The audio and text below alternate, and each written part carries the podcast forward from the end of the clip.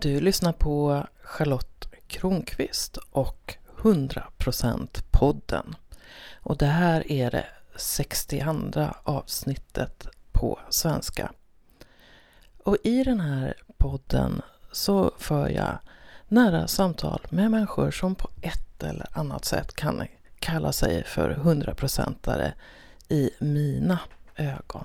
Och den här gången så får du möta en relativt ung man som tjänade så mycket pengar att han kunde släppa taget om allt och söka sin guru eller söka sanningen om livet och kärleken och få svar på frågorna kanske. Vem är jag och varför är jag här? Erik Adelsson har testat tantra. Han har testat yoga. Och nu testar han celibat. Och när du lyssnar på det här så befinner han sig någonstans där det är varmt och skönt. Men samtalet fördes på slottet en av de sista dagarna under 2016. Välkommen att lyssna på Erik Adelsson i 100% podden.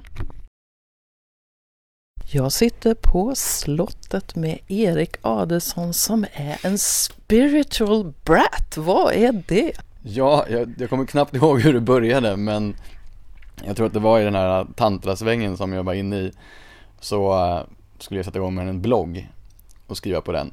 Och i det så började man ju fundera över vad ska den heta och hela den biten. Och då så i den här tantracirkusen som jag var inne i så uh, hette jag Babyface vilket hade massa olika innebörder säkert och väldigt trevliga sådana. Men då så okej, okay, Babyface får bloggen heta så det hette babyfaceblogg.se och sen skulle man ha någon sån här, vad ska man kalla det för, tagline på sig själv. Och då så var det bara någon som sa det tror jag, men shit du är ju en sån brat. Och sen så kopplades bara det, ja men det är ju väldigt udda att vara en brat i den här spirituella världen. Det får man inte vara. Där ska man ju äta nudlar, eller jag vet inte, men man ska ju gå runt liksom med rastaflätor och så vidare. Men jag är ju verkligen spirituell, så det var en sån jävla udda kombination och den känns också lite provocerande nästan på något vis. Att, att man ska kunna vara spirituell och brett. Och då tyckte vi och jag att det där var jävligt kul. Så då så eh, döpte jag mig till Spiritual Brats. För det är ju väldigt udda och på något sätt, ja jag vet inte, det sticker till lite. Och hur lever en spiritual brat? Måste jag leva med den här identiteten hela livet nu? jag frågar hur jag lever eller hur spirituell, nej men hur lever jag? För två och ett halvt år sedan snart så slutade jag jobba, eh, så jag jobbade ganska mycket innan och det gick bra så jag fick ekonomisk möjlighet också efter att jag jobbat och tjänat ganska mycket pengar att eh, verkligen ägna mig åt det här spirituella sökandet eller vad vi ska kalla det för på, på fullt allvar. Så nu har jag gjort det i två och ett halvt år och det låter ju som att man bara går runt och slappar och det är det mamma tycker att jag gör också antagligen om man frågar henne. Men för mig är det ju som studier kan man säga på ett helt nytt sätt där det då hela världen ligger öppen och alla dessa olika eh, visdomar som finns. Det är ju shamanerna i Amazonas och sen så finns det ju både buddhistiska och hinduiska och alla möjliga traditioner.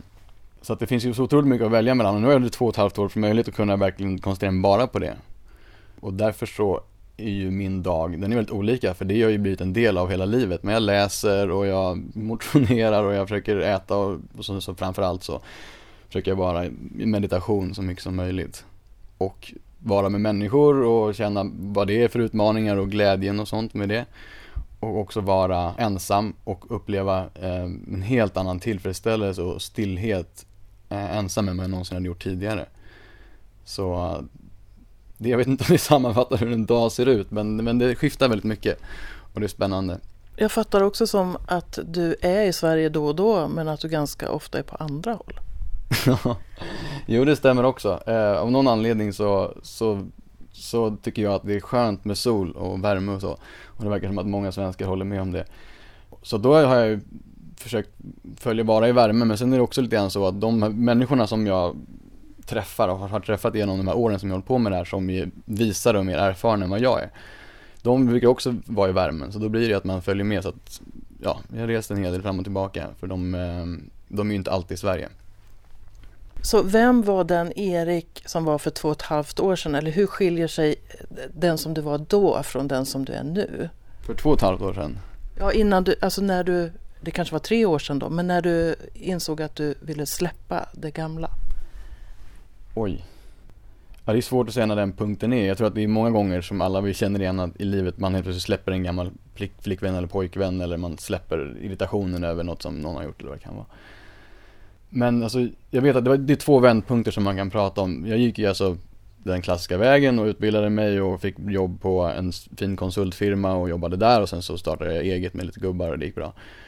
Och jobbade och det var allting och sen så såg jag väl på något sätt bara framför mig, ja men nu kanske det kommer bli eh, fru och barn och sen så fortsätter man att tjäna massa mera pengar eller? Och sen så har jag massa pengar och fru och barn och kan göra grejer och ha båtar, men vad, vad, händer sen? Det blir på något sätt så här, jag kunde se meningslösheten i det på något vis, att bara titta på det. Fast jag tror inte jag fattade det riktigt då, men det var bara någonting som kändes som jävligt, jävligt hemskt och jobbigt och meningslöst i mitt liv som jag hade där när jag jobbade. Och då så började jag gå till psykiatriker, vilket jag tror många gör. Ehm, och pratade och pratade om det här och det var ju första gången som jag på något sätt förstod att okej, okay, man har känslor i kroppen, alltså känslor pratar man ju om och så, men okej, okay, men de känns fysiskt i kroppen, jaha. Okej, okay, ja, hur känns de? Och sen började jag bekanta mig med det och börja prata runt allt det här om barndom och grejer. Så då, det var ju en stor vändning att jag på något sätt förstod att jag var tvungen att gå inåt för att jag kunde inte bara leta utanför mig själv bland alla de här grejerna, inklusive fru och barn, som är också utanför mig själv. Så då gick jag inåt och började jobba, göra det jobbet, det är den första stora vändpunkten. Och sen så, den andra är när jag öppnade min första spirituella bok. Så nu ska jag ta en konstpaus och dricka lite på det här teet tänkte jag eftersom jag pratar så oerhört mycket. Tolle va? Det stämmer, det stämmer. Jo, just det. April 2012. Då så hade jag den här boken som heter The Power of Now liggandes i byrålådan. Jag kommer ihåg det här himla väl. Och den har legat där i flera år. Jag hade fått den av en kvinna som, som ja, jag vet inte. Det är kanske inte henne jag hade gått till för att få spirituella råd som det känns. Men, men hon gav mig den här boken och det visade sig vara en väldigt fin gåva som jag är tacksam för än idag. Då så bara var det någonting som sa, nej men jag tittar i den där boken, den har ju legat där nu ett tag. Sen så öppnade jag den och så läste jag tror jag tio sidor. Och jag vet att jag blev fångad direkt, men det var någonstans efter tio sidor och i den där förorden när han berättade om hur han hade kommit dit han var. Va, men shit, det var verkligen en röst, det låter så flummigt. Jag är ju från en vetenskapsbakgrund och liksom totalt icke-spirituell familj, så jag har aldrig fått något mer sånt här än att man läser om Jesus på julafton och så. Och jag bara, men gud den här, den här boken kommer förändra mitt liv för alltid. Det var det som rösten sa. Och jag visste inte vad det, som jag förstod inte hur eller på något sätt, men det var bara så här, wow, jag blev så otroligt uppslukad. Och det var verkligen en ny röst, det var inte bara det här, ah, gud jag har hittat en ny sport som är schysst, utan det här var någonting som högg tag i mig. Eh, och varför det återstod att se.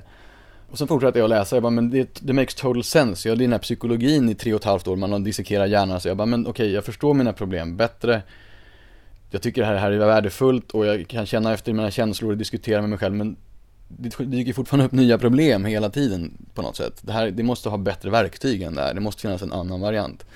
Och då tyckte jag att den här boken som jag läste, jag bara, men gud det här är ju perfekt. Alltså logiskt. Men Jag kan se nu att okej okay, om man går den här vägen då borde man verkligen bli genuint, ja lycklig är väl det ordet jag skulle använt då. Och det är nog inte det ordet jag skulle använda idag, men alltså verkligen, verkligen fri från alla de här som problemen man har och att få leva i det tillståndet av absolut frid. Och då förstås glädje och givetvis också kärlek. Så det, det öppnade liksom som den möjligheten där och då var jag fast och det är fyra och ett halvt år sedan. Så, så en dörr hade öppnats och vad var det du såg där och också hur visste du vilka saker du skulle testa? Jävla intressant fråga. Alltså jag visste ju att jag hade mått dåligt kan man ju säga, det var ju därifrån jag kom. Och att jag hade varit nere och sett, tyckte att saker och ting var deppiga och meningslösa. Fastän jag på något sätt hade allt utåt sett, materiellt sett och, och med kompisar och tjejer och allting var bra så. Så jag bara, jag visste, jag, jag, det var ändå inte, det var som jag mådde ändå inte bra i det på något sätt. Så jag visste att jag kom därifrån och sen så såg jag ju att det fanns ett ljus i andra ändan. Okej okay, men det här kan ju faktiskt bli bättre och bättre och bättre. Mitt liv var ju bättre då, kunde jag ju se, än vad det var när jag var nere i min svacka. Och varför skulle inte den processen kunna fortsätta och det skulle kunna bli bättre tills det här då som de pratade om som upplysning. Det ordet kickade ju säkert igång både någon typ av den genuina frihetslängtan i mig, men säkert också den här konkurrerande killen som kom från konsultvärlden och sådär. Så, att, så att det blev ju mycket kring det där med upplysningen. Vad det var för någonting. Men det drev jag ändå på. Eh, och sen så din andra fråga då är vad, hur vet man vad man ska välja? För det, den frågan får jag också utav folk. Och bara, vad ska jag ta för någonting? Och det är ju verkligen så att jag kan berätta vad jag gjorde. Men det behöver ju inte vara rätt för någon annan. Eh, men känner man sig inspirerad, bara, ah det där. Så att jag tror att Yoga är ju någonting som många börjar med. Det var säkert där det började för mig med. Jag vet jag var på en fest med massa yogamänniskor och det var helt annorlunda. Skittrevligt. Ingen alkohol och så här, mjuk mysavslutning med liveband. Det var något helt nytt, verkligen. Så jag gjorde lite yoga och, och så läste jag ju massa böcker. Och sen så tror jag att det första gången jag åkte iväg på någonting, var roligt att du sa det innan, då åkte jag till Ängsbacka i Värmland. På yogafestival där. Och eh, det är ju fyra år sedan tror jag, något sånt. Och det var ju något helt nytt att vara i den miljön i en hel vecka. Och, eh, och sen så, så att jag halkade in på den yogafestivalen tror jag via den där festen. Och sen från yogafestivalen så halkade jag in på tantra för jag såg en kille få någon konstig orgasm på dansgolvet på den yogafestivalen. Jag fattade ingenting. Jag bara, men vad är det där för någonting? Han måste fejka tänkte jag. Folk bara, nej, nej, han får en helkroppsorgasm på dansgolvet. Jag bara, det där måste jag i sånt fall ta reda på. Och det är en röst jag kunde inte ge mig. Liksom. Så jag började snoka i det här. Och sen så, började, så hamnade jag på en tantrafest. Och det var som det var en TNT-fest och den var verkligen skitball miljö tyckte jag. Var, allting var häftigt. Det var häftiga tjejer och häftig musik. Det var killar som inte var svartsjuka för att man, när man kramades med deras flickvänner, det var något helt nytt på något sätt. Så att du vet, man kastas från det ena till det andra på något vis. Och först senare så kan jag säga att någon typ av röd tråd, jag förstår väl lite grann varför saker har hänt som de har gjort och varför man behövde göra en del misstag och sådär som man, man ju gör på vägen oundvikligen. Ja, jag är glad var jag, var jag hamnat någonstans. Jag vet inte, det här syftar ju säkert till för dig som för mig att det är så kul att, att uppmuntra de som känner sig träffade att, att försöka titta lite grann och söka lite mera. Inte som att man letar desperat utan kanske mer nyfiket. Men jag tycker det är väldigt kul när, när den lusten väcks, för jag vet ju hur det var när den väcktes i mig. För mig var det så att det var en snubbe som en gång sa var dig själv och så jag bara så här, och vem fan är det? och så insåg jag att jag hade spelat teater hela mitt liv. Och så började jag, ja, vem, hur ska jag hitta mig? Och det var vägen in. Mm. Och nu för tiden så, så är jag behöver känna så här som ett ja oftast sitter det här vid hjärtat. Så här. Mm. Ska, ska jag åka dit eller ska jag gå den här kursen eller ska jag träffa den här personen? Mm. Och finns det ett ja här, då går jag mm. för det. Och så frågar jag liksom inte huvudet. Mm. Så där just, det är som att jag får en slags guidning någonstans inifrån mig själv. Vad jag ska säga ja och nej till. Så just idag så tackade jag nej till ett uppdrag. För att det här jaet inte fanns. Ja, och förut hade jag antagligen sagt ja bara för att jag kände att hon ville ha mig. Mm. Så det, det, finns något befriande i att, att lyssna på den här inre rösten, hur den nu tar sig sitt in, uttryck, tänker jag. Ja, det är verkligen också min erfarenhet. Och det är någonting som är helt nytt om man är van vid att gå i skolan och plugga på det sättet och sen har jobbat några år på det viset att lyssna på sin kropp och sitt hjärta, det, det låter ju bara skitflummigt. Men jag håller med dig, jag har upplevt precis samma sak som du i ett beslut där jag gjorde samma sak. Så att jag tror också det att det är, jag vet inte, det är ju säkert väldigt komplext och jag håller på att studera det här så gott jag kan men men det här med organismer, vi har ju en biologisk organism här som ju har otrolig eh, intelligens i sig. Så att det går ju att fråga den många olika saker. Jag gör det också gjort med doktorer som är väldigt duktiga på att fråga kroppen om vad den vill ha och behöver. Och sen så enligt min erfarenhet och det som jag läser och studerar och det spåret som jag är nyfiken på, som jag också tror att västerländsk vetenskap, de, jag vet att de redan börjar titta nyfiket på det, men de kommer att, det kommer säkert integreras mycket i framtiden. Det är att det förutom den här biologiska kroppen kanske också finns någonting mer i världen. Det är inte bara massa fysiska kroppar bara för att det är det enda vi ser så kanske det finns någonting annat. En annan dimension kan man säga. Och jag är inte helt säker på att jag är på väg med det här, men vi får se var vi landar någonstans. Det tycker jag bara, det är bara att lägga till en ny dimension till vetenskapen. Och eh, det verkar som att, min erfarenhet återigen är att om man, om man öppnar för det, inte bara som en fantasi, jo man får ju börja som någonting man vågar tro på i alla fall. Så man kan börja experimentera med det, man får ju börja någonstans. Man kan ju inte få bevis kanske direkt. Men sen så börjar man om, se att, men shit, det verkar ligga mer och mer i det här och om jag är i det, den här andra dimensionen som verkar vara överallt på något sätt, då, då blir livet lättare och kroppen slappnar av mer och det känns bättre och mötena blir finare och djupare och så vidare det sägs då att man kan ju gå så djupt i det, det är att gå tillbaka till sig själv, till den man till den man, sitt ursprung på sig. Man kommer hem till sig själv så att man inte behöver leta längre för att om man letar så är man ju inte riktigt hemma i sig själv och hos sig själv. Att man kan verkligen integrera så mycket att det till slut bara är det som finns, att vart man än tittar så upplever man bara sig själv överallt och det är det som då sägs ha hänt Jesus och Buddha och en massa andra människor. Och eh, jag tror att, att alla människor har, får en glimt av det här hela tiden, som när man verkligen, verkligen blir genuint glad eller skrattar någon drog ett sånt skämt så är det ju så tidlöst ögonblick i den där glädjen när man skrattar så mycket. Att där är man stilla och då med sig själv i ett litet mikroögonblick men man vet inte riktigt om det och sen så boom så kastas man ut ur det igen då. Eh, och det här låter ju superflummigt på ett sätt eh, men i andra kulturer är det inte det, utan där är det vetenskap det här och det finns liksom dokument sedan 12 000 år tillbaka nere i södra Indien på, på den här praktiken och med, med begrepp och ord som vi inte ens har några översättningar på i, på våra språk för vi har aldrig praktiserat den här eh, typen av då vetenskap där man istället dissekerar sitt medvetande och sig själv. Som ni hör så är jag något av en nörd så vi får inte gå in på för mycket detaljer här. Men jag tänker en sån här sak som en fråga som jag tycker är lite kul. Det är så här jag tycker att det finns möjligheten att man så att säga tittar på sig själv lite från sidan och ibland så tänker man så här vad, vad säger du för någonting? Vad, vad, hur kom det där? Och vem är det som bevittnar dig göra det? Just det. Och där kommer någonting annat in men jag kan inte definiera vad det är. Men, men just den grejen tror jag de allra flesta har varit med om på något sätt. Att man... Så för mig har det handlat om, jag har ju mediterat mycket. Jag får bara säga, jag tycker det är en strålande liknelse. Verkligen, därför att du sätter fingret precis på det på ett enkelt sätt där folk kan relatera. Ja gud, man, man, har sett sig själv utifrån på olika sätt och vis och verkligen bara wow. Men normalt sett gör man inte det, normalt sett är man ju bara fast i sitt görande hela tiden. Nu pratar jag med det, nu, nu gör jag det här, nu tar jag bilnycklarna. Men det är precis det som jag pratade om innan, den här andra dimensionen som, som när man tittar dit så finns det ju ingenting där liksom. För den är ju det är tomt. Men det är ju något som tittar. Och när man då bekantar sig med det som du säger är en av de mest klassiska meditationsteknikerna som finns, som ju också är jätteflummig men som makes, tycker jag, more and more sense. Man frågar sig vem är jag? Och det blir ju tomt efteråt, därför att alltså det är, det är ju frågan, vem, vem är jag? Det blir ju, vem är det som tittar? Det är samma sak, vem var, vem var det där vittnet? Om man tittar, det är ju bara tomt. Men i det verkar det finnas mycket att upptäcka då.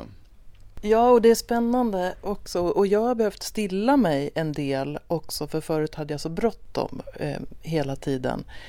Men, men för mig finns det också en koppling till alltså att, att öka känsligheten, det vill säga att när jag stannar upp så kan jag också känna rent fysiskt. Mm. Eh, alltså lägga märke till mer subtila saker eh, om jag rör vid min hand eller någonting sånt. Men det kan föras över på andra saker också. Att jag kan upptäcka subtila saker i omgivningen och det kan vara sammanträffanden, mm. olika sådana saker som om, om tempot är väldigt snabbt så kanske man inte ser. Men vänta nu, här funkar allting precis som det ska på ett mm. nästan mm. oförklarligt sätt.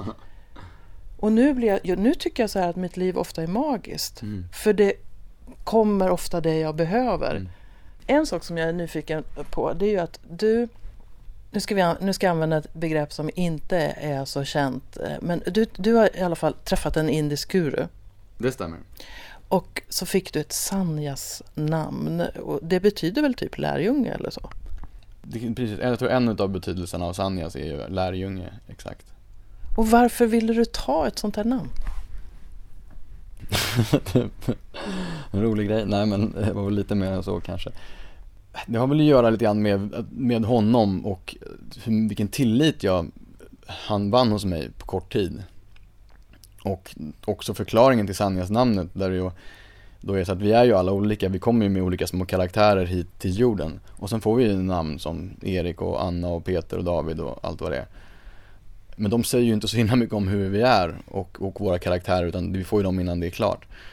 Men ett Sanjas namn är istället att, okej okay, men om vi nu kommer alla till jorden, vi har ju alla någon typ av godhet i oss, det är jag absolut övertygad om. Hur förvirrad man än kan vara så är jag övertygad om att det finns godhet i botten. Och då har man ju också förstås någon, någon aspekt utav det i sig, men vi är olika, så någon kanske alltid är rättvis, någon kanske alltid är lugn, alltså allt det här är fint, någon kanske alltid är rolig, någon kanske alltid bara är kärleksfull, någon är alltid så otroligt nyfiken eller vad det nu kan vara.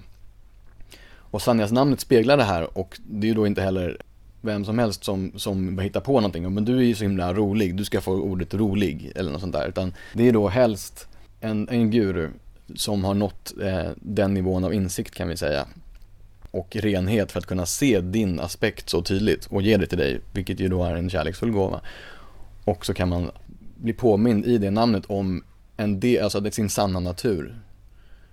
Som blir en ledtråd för att eh, ja, gå mot vad vi nu ska kalla det för, nirvana kallar det vissa det för.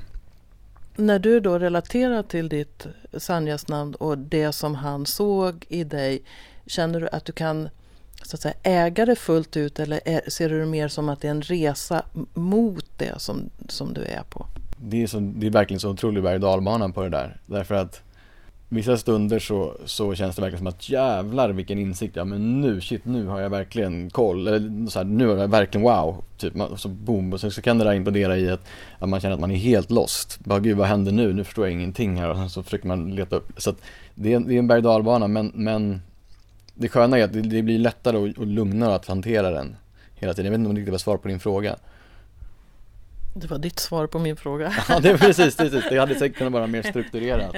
Jag hade en känsla av det. Om du säger ungefär vad du, vad, hur du ser betydelsen på ditt, på ditt namn. Just det, förlåt, det var ju där vi var inne. Jo, då, mitt namn handlar ju om glädje då. Eh, så, så det är ju det, det, det, det, på engelska, eller namnet översatt till engelska är som jag har förstått det I am he in the light. Det är då jag är han i glädje. Men det är dubbel betydelse, det är också att ja, men jag är då en glädjefull karaktär på den här jorden och om jag är i glädje så är det mitt naturliga tillstånd. Det är inte jobbigt. Om jag känner mig trött så är det för att jag inte är i glädje. Och det här är något som jag fortfarande försöker förstå men det är liksom effortless att vara glädje. Men det finns också den integration i det här, I am he, he med stort H och då betecknar det bara, nu är det ett han, det skulle väl lika kunna vara ett hon på sätt och vis. Men helheten eller Shiva från den här, att, att man också kan våga tro på att man kan integreras med den, men det är faktiskt sant. Att jag är inte en separat liten kille som är glad, utan jag är faktiskt del av en helhet som är glädje eller fröjd eh, itself. Den här mannen som du mötte, vad var det som gjorde att du fick förtroende för just honom? Jag vet inte om, om det här gäller alla, men jag tror att många känner igen sig att man letar ju ändå ofta efter någon karaktär som kan Eh, Eh, lära henne att, att, bli en bättre människa och, och berätta för så, hur saker och ting ligger till om man säger så. För att en del har man ju koll på men mycket vet man ju inte. Och jag, jag har alltid velat växa som människa tror jag, jag vet inte varför. Men jag har på något sätt inte nöjt mig, jag vill liksom förstå mer och mer av saker och ting. Så jag är ju då, och på ett sätt bara varit ganska naiv men, men också på något sätt oskyldig i det att jag har kastat mig in i grejer och då trott att det här är grejen. För jag hoppas ju verkligen på att jag ska hitta grejen någon gång. Det har ju varit som politiska åsikter som sen har blivit som pengar och allt med det. Och sen så, så blev det då Eckart Tolle som var the, the shit och sen så blev det kanske då tantra som var the shit och så förstår Utifrån sett kan det ju se ut som att man bara hoppar från grej till grej. Eh, på ett omoget sätt. Men jag tror att det är längtan inneboende i mig och som jag tror att många har också, att, att verkligen hitta bara, men det måste ju finnas någonstans där ute mina svar. Varför skulle det inte finnas mina svar där ute någonstans? Det vore ju konstigt, jag är ju ändå här. Men vem kan ge det då?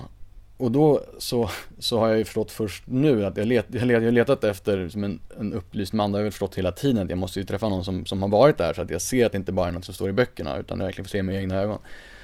Men på vägen dit så har jag träffat många olika och de har ju kastats in i olika kulturideologier som har format en starkt och så vidare. Men det som din fråga är då, varför stod han ut? Jo, det förstod jag inte från början. Utan jag gick ju till honom lite skeptisk för då var jag inne på ett annat spår och tänkte att ah, men det här, någon som kallar sig själv upplyst, det kan man inte säga. För det har folk sagt, sagt till mig att det kan man inte säga om man är upplyst, då berättar man inte sånt. men okej, det var min förutfattade mening liksom. och sen gick jag dit och ställde någon spydig fråga, nej jag var inte spydig var jag inte, men det var säkert en liten sån tendens i det. Men hur som helst, jag var också, jag satt och lyssnade på honom i två timmar, jag, jag gillade killen på något vis. Jag bara, nej men jag gillade honom, jag tyckte att han var, det var någonting där. Men det var inte mer än så, jag tyckte fortfarande att, okej okay, ja. Men så var det pratade någon om att, jo men han har en helg, åk dit. Och eh, då så gjorde jag väl det, också lite motvilligt. Men när jag väl kom dit så var okej, okay, då var jag lite imponerad över att han var så himla varm i det sättet som han hela tiden hanterade alla grejer som hände, men han var fortfarande helt direkt. Så att han kapade någon, han bara avbröt, men det var liksom aldrig någon typ av straff i det hela, hur han hanterade grupperna under alla dessa timmar under dagen. Och att han på något sätt aldrig tog ledigt utan han gick ut och rökte där och då samlades folk omkring honom och han verkade aldrig otålig. Det fanns liksom inga av de här mänskliga grejerna som man själv, svackorna som, som man själv upplever hela tiden. Och sen hade han en enastående förmåga att läsa av människor direkt, alltså på sekunden. Vad de har för karaktär, vad de har gått igenom innan och kunna namn, så här, verkligen, och på mig med. Och jag bara, hur kan han veta vad som händer internt in i min kropp liksom? Det var, det var väldigt flummigt alltihopa. Men utan att sälja på eh, folk det här så var det ju så att, nej men jag, jag känner att successivt har jag lyssnat på honom och läst av honom och allting som jag anammar som, som kommer därifrån gör mitt liv bättre på något vis. Och det är inte bara, jag kan ju säkert lura bort mig själv helt och hållet, men jag ser också på män, alla andra människor runt omkring och jag har intervjuat folk lite, hur var det före, hur var det efter? Och, ja, men, ja, fått bättre ekonomi och blivit lite lugnare på insidan var det en gubbe som sa sådär. Men det är ju skitbra. Bra ekonomi och lugn på insidan. Så att eh, jag kan säga att om det är någonting som jag skulle säga till en polare på stan om han frågar vad är det här för gubbe egentligen? Guru, vad är det för någonting? Och då så skulle jag eh, tänka så här, hur fan säger man det på ett modernt sätt? Då tycker jag att det är bra att kalla det för en mentor utan, alltså helt utan egen agenda. Så det vill säga en mentor som 100% bara är där för din skull och inte har någon som helst tillstymmelse till egen agenda. Och då kanske många skulle reagera så okej okay, men det, det, går ju inte, det måste man ju ha. Ja, men bara om man är en person, om man tror på den här personliga identiteten i, i den här biologiska organismen, varför den skulle vara där. Men man tror på den så mycket och då har man ju en agenda, för då har ju den personen någonting som den vill uppnå och ha, och ut, vad det nu kan vara. Men han har inte det. Och det kan ju aldrig jag veta säkert. Men beviset är ju i hans sätt att leva och verka då, där har jag varit med ett tag. Och det är skitbra, jag menar mamma har träffat honom, pappa har träffat honom, jättebra möten, avslappnat så här, han verkligen möter dem precis där mamma och pappa är och, och, och de tycker att det känns skitbra, det är intressanta diskussioner om politik har de haft med honom. Så. Jag känner lite som en avslappning i kroppen när du pratar om honom. det, Ja, jag tror att, att du har helt rätt. Och det är fint att du säger det, för jag var inte medveten om det själv. Men eh, det är ju det är så lustigt det här, därför att vi kommer inte från den här kulturen och, och, och jag är ju så ny i det, men jag kan ju verkligen se att nej, men det är ju en kärleksrelation egentligen. Men det är ju en relation, det är en broderskapsrelation, eller ja, det är en faderskap är det snarare kanske då, men det, vi har ingen kultur av det här och då blir det väldigt konstigt för oss, för vi ser ju bara framför oss att det är en person på andra sidan och då ska man då älska den personen? Nej, vi har ju inte sett något annat. Och det har inte jag heller gjort innan jag träffade honom. Men det är ju då, vilket man så småningom ska förstå, att det är bara, han är bara du. Det är, han, han, han förkroppsligar dig själv, så du pratar bara med eh, så att säga, en gudomlig version av dig själv som försöker peka ut gudomligheten i dig så att du kan se den, för vi ser ju bara våra brister hela tiden. Och om vi ser något bra om oss själva så börjar vi göra en historia av det. Och då har vi helt plötsligt gjort en historia om hur jag var så himla duktig på, på scenen när jag pratade inför alla. Eller hur snygg jag var i baren när alla tittade på mig eller vad det nu kan ha varit för historia. Och då har man ju förlorat den här eh, genuina skönheten som man var då för ett ögonblick när det hände. Du har ju skrivit en del på bloggen om att du lever i celibat nu. Är det en del av någon slags purification? Alltså det, det blev väldigt tekniskt den här intervjun lägger jag märke till, men det är, det, är, det är häftigt. Jag har aldrig gjort något sånt tidigare. Får se om folk tycker det är skitdåligt eller, eller om det är något man kan lyssna på. Who knows? Ja, vi gjorde ett bra tappert försök i alla fall. förlåt, just det, purification. ja. Um, det var det ord som kom. Ja, det var det ord som kom, men det tycker jag var alldeles utmärkt för att Jo, det är precis vad det är. och jag fattade inte riktigt, eller jag, jag var ju det som, jag hörde ju att det var purification. Och då, jag, jag insikten om att jag behövde ta det här beslutet för att komma vidare eh, var ju där. Men nu, nu har jag gjort halvvägs drygt eh, av den här perioden som jag lovat mig själv. Och eh, det, jag kan ju verkligen se vilken purification det har varit och det är precis det som eh, han har sagt då också. Master Vimal som han heter, Vimal. Det är ju verkligen det att jag tror att man måste jobba med den biten först så att man verkligen känner att, att, man, att man har blivit ren så att säga. Och om man då hela tiden letar efter sex, vilket jag hade en tendens att göra, inte hela tiden, men en stor del av tiden på något sätt, på subtila plan. Man kan planera middagar eller man är ute och tittar i baren eller pratar med kompisar om tjejer och sex eller vad det nu kan vara för någonting. Tinder. Kanske någon har haft någon gång. Så att att det är ju desire, det är hur man vrider och vänder på det, är det, det begär. Och det är inget fel på sex, det säger väl alla tycker jag som verkar, som jag litar på och som jag tycker verkar ha insikt. Det är inget fel på sex, det är nödvändigt för att vi ska kunna fortplanta oss vidare. Kruxet är bara att det har liksom satt sig helt och hållet i våran hjärna det här som det sitter fast kopplat till en överlevnadsmekanism och fortplantning och sen så eh, är vi inne och letar efter sex hela tiden. Och i det så är vi fast i den här onda cirkeln kan man väl säga. Den behöver inte vara ond, alltså jag tycker sex är fantastiskt. Jag har jättemycket bra sex. Men det är fortfarande ett, en neediness, ett want. Att man letar, man behöver någonting hela tiden. Och när jag då stoppade det, vilket jag gjorde i början på juni i år. Och det här är ju som, ja det är ju då eh, min guru om jag nu får säga det.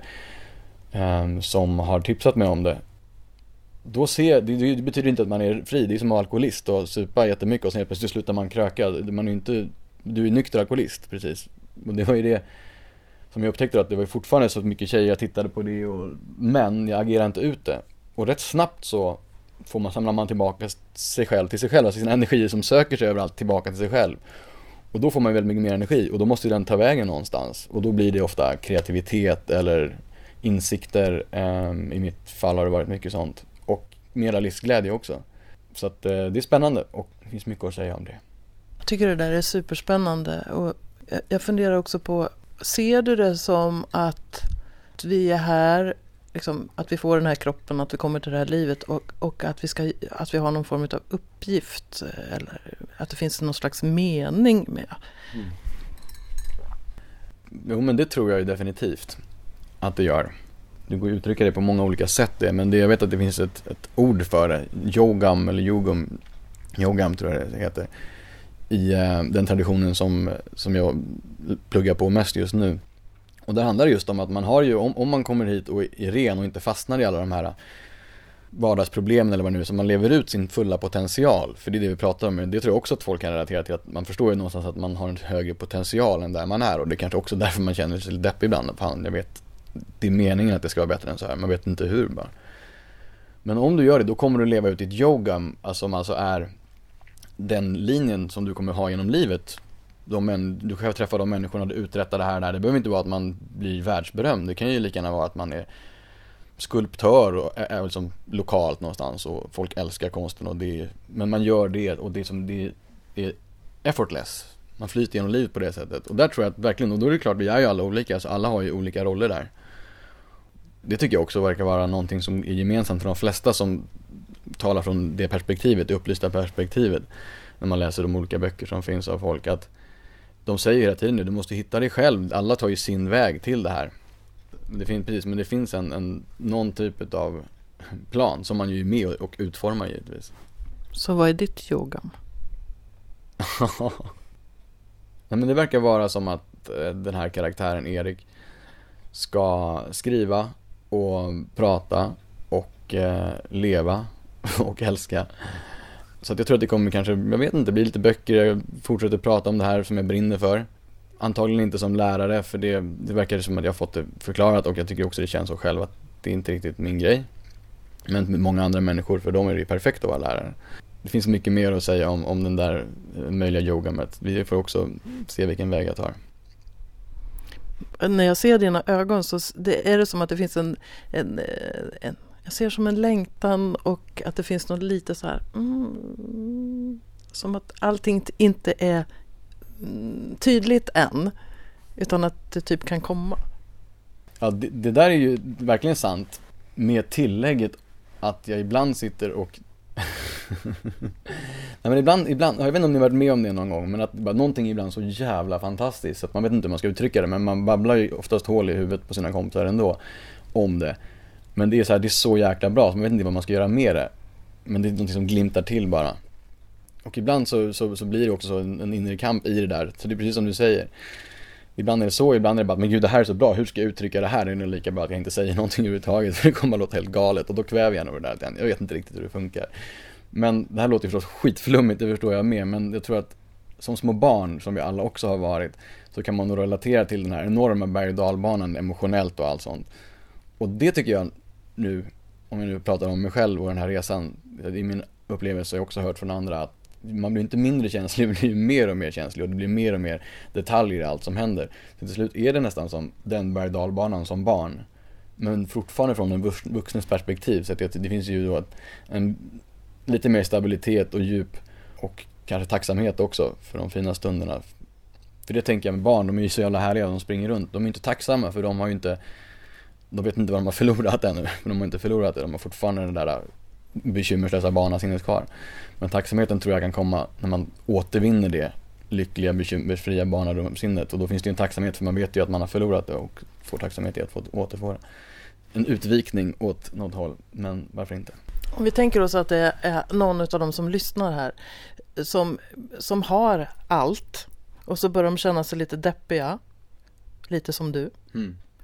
Vad skulle kunna vara ett första litet steg de skulle kunna ta för att hitta hem? Ja, nej, men eh, någonting som jag aldrig har sagt tidigare men som ploppar upp nu är som en idé. Jag tror att fundera över någon i deras liv som inspirerar dem i den här riktningen. Alltså det vill säga inte som inspirerar för att man har tjänat så, mest, så mycket pengar som möjligt eller för att man fått så mycket berömmelse eller vad det kan vara. Utan mera för att när man träffar den personen så märker man här är någon som verkar må bra i sig själv. Det kan ju vara ett bra första steg. Eller som, som, som, man, som man, någon som man är inspirerad av. Att gå till en sån person för att få en levande första, då kan ju man ju säga, då kanske den personen tipsar om en bok som han eller hon har läst eller någon kurs som han eller hon har läst och då är man ju igång. För att sen leder ju det ena till det andra, man behöver bara kicka igång den här processen. För att komma ur det där som många nog känner sig lite paralyserade i det här. Okej, okay, jag vet att jag borde jobba med mig själv men orkar jag hur, liksom framförallt hur kanske? Hur börjar man? Det är en variant. Eller så googlar man eller liksom bara letar fram någon bok själv som man tycker känns bra att läsa. Eller så bara är man lite wild and crazy och kastar sig iväg på någon kurs direkt. Skitsamma, man ser vad som händer. Det vet jag de som har gjort och det har ju funkat jättebra. Kastar dig iväg på en kurs bara, ta någon. ja, men eller hur. Tack Erik, vad härligt att ha dig här på slottet. Ja, tack så mycket. Tack själv. Är du sådär lite wide and crazy så du kan se en kurs och så bara Yes, jag har ingen aning om vad det här är, men det här är kanske ett steg på vägen hem till mig. Då kan du ju testa det. Eller pröva någon av Eriks andra förslag på hur du kan börja leva ditt liv på dina villkor. Och hur ofta funderar du på varför just du finns här just nu? Det kan vara värt att reflektera över. En fråga som kan ha inget svar eller tusen svar. Charlotte Kronqvist är jag. När du lyssnar på det här så kommer jag förmodligen att befinna mig i Indien. När jag spelar in det här så är det bara timmar kvar innan jag ska åka. Och riktigt vad jag ska göra där, det vet jag inte. Vila naturligtvis. Kanske blir det lite tantra, kanske blir det lite yoga. Kanske besöker jag något tempel. Vad jag kan vara ganska säker på det är att jag kommer att bada himla mycket. Men under tiden går ju världen vidare. Ditt liv pågår, dina frågor finns där, dina utmaningar finns där. Och jag kan finnas där för dig också, på håll. Och ett sätt att möta dig kan vara att gå mina webbkurser som handlar om att ta plats i sitt liv, att älska sin kropp, att möta det som känns farligt eller att leva igenom en skilsmässa. Så gå gärna in på min hemsida charlottekronqvist.org och hitta mina webbkurser eller lyssna på andra avsnitt av podden eller få impuls till att köpa en bok eller en stunds coaching med mig. Ta hand om dig.